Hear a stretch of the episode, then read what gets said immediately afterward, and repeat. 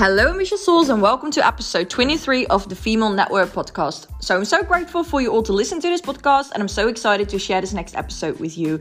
So, for the people who don't know me yet, my name is Ilse. I'm 25 years old and I live in the Netherlands. A few years ago, I randomly decided to put my scroll time into money and build a six figure worldwide business.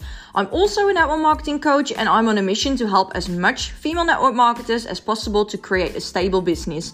In general, I'm extremely passionate about helping women to step into their feminine energy and coach them on how to become independent in any area of their life. So, I would appreciate it if you could share a screenshot of this podcast on your social media. That means the world to me. In this episode, I open up about failure.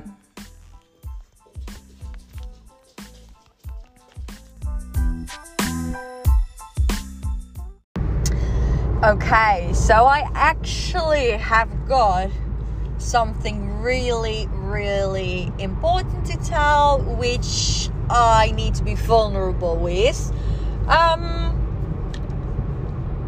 I failed, and I freaking love it. Last week, I made a decision to do a podcast each and every single day, just sometimes for a few minutes, sometimes one who is like 10 minutes or 20 minutes long. It doesn't matter.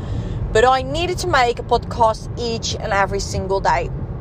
And I can tell you from all I have that I failed. I failed making a podcast for each and every single day. Um, First of all, I was in a car and I'm driving back because uh, I worked together with one of my business partners today. And first of all, I didn't want to make a podcast because I was like, mm, no, why would I? I failed and I'm not going to tell people that I failed.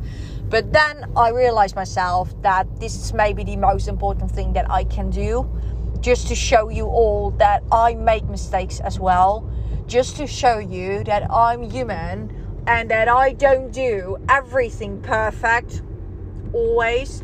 And of course, you need to make like different kind of challenges, do different kind of challenges with yourself, of course.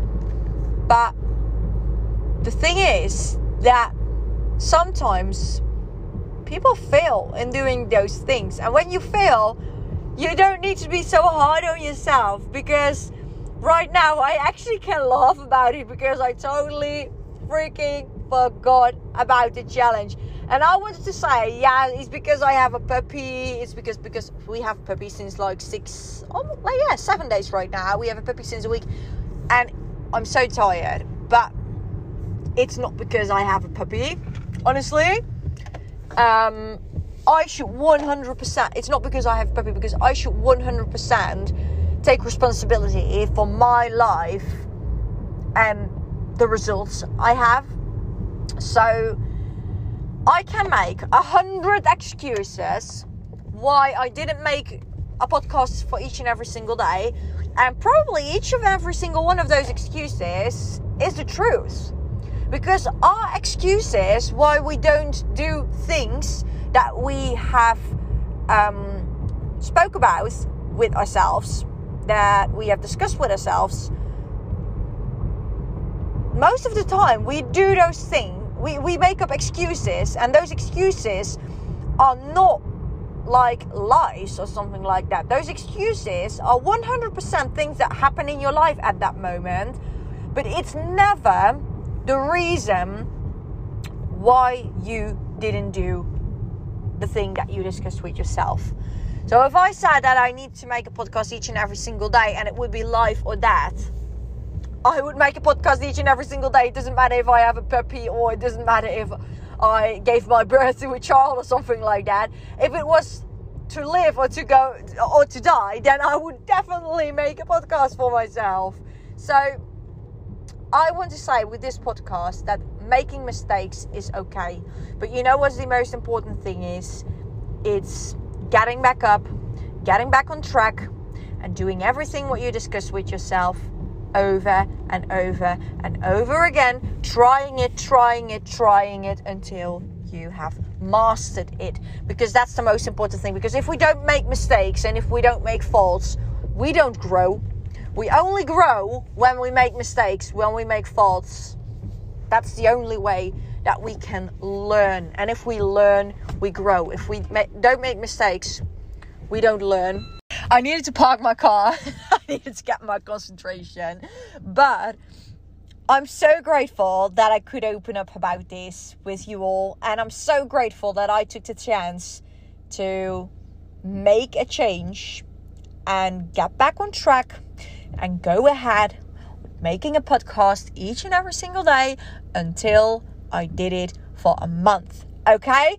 So new challenge, new same goals, new how you say it, same goals, new start. That's just the way it is. You see how easy this goes. So if you don't reach your goals in network marketing, that's fine. Start over and over and over and over and over again. Your dreams and your goals, there shouldn't be a time limit on. Just go ahead, keep on going, and start over. That's it.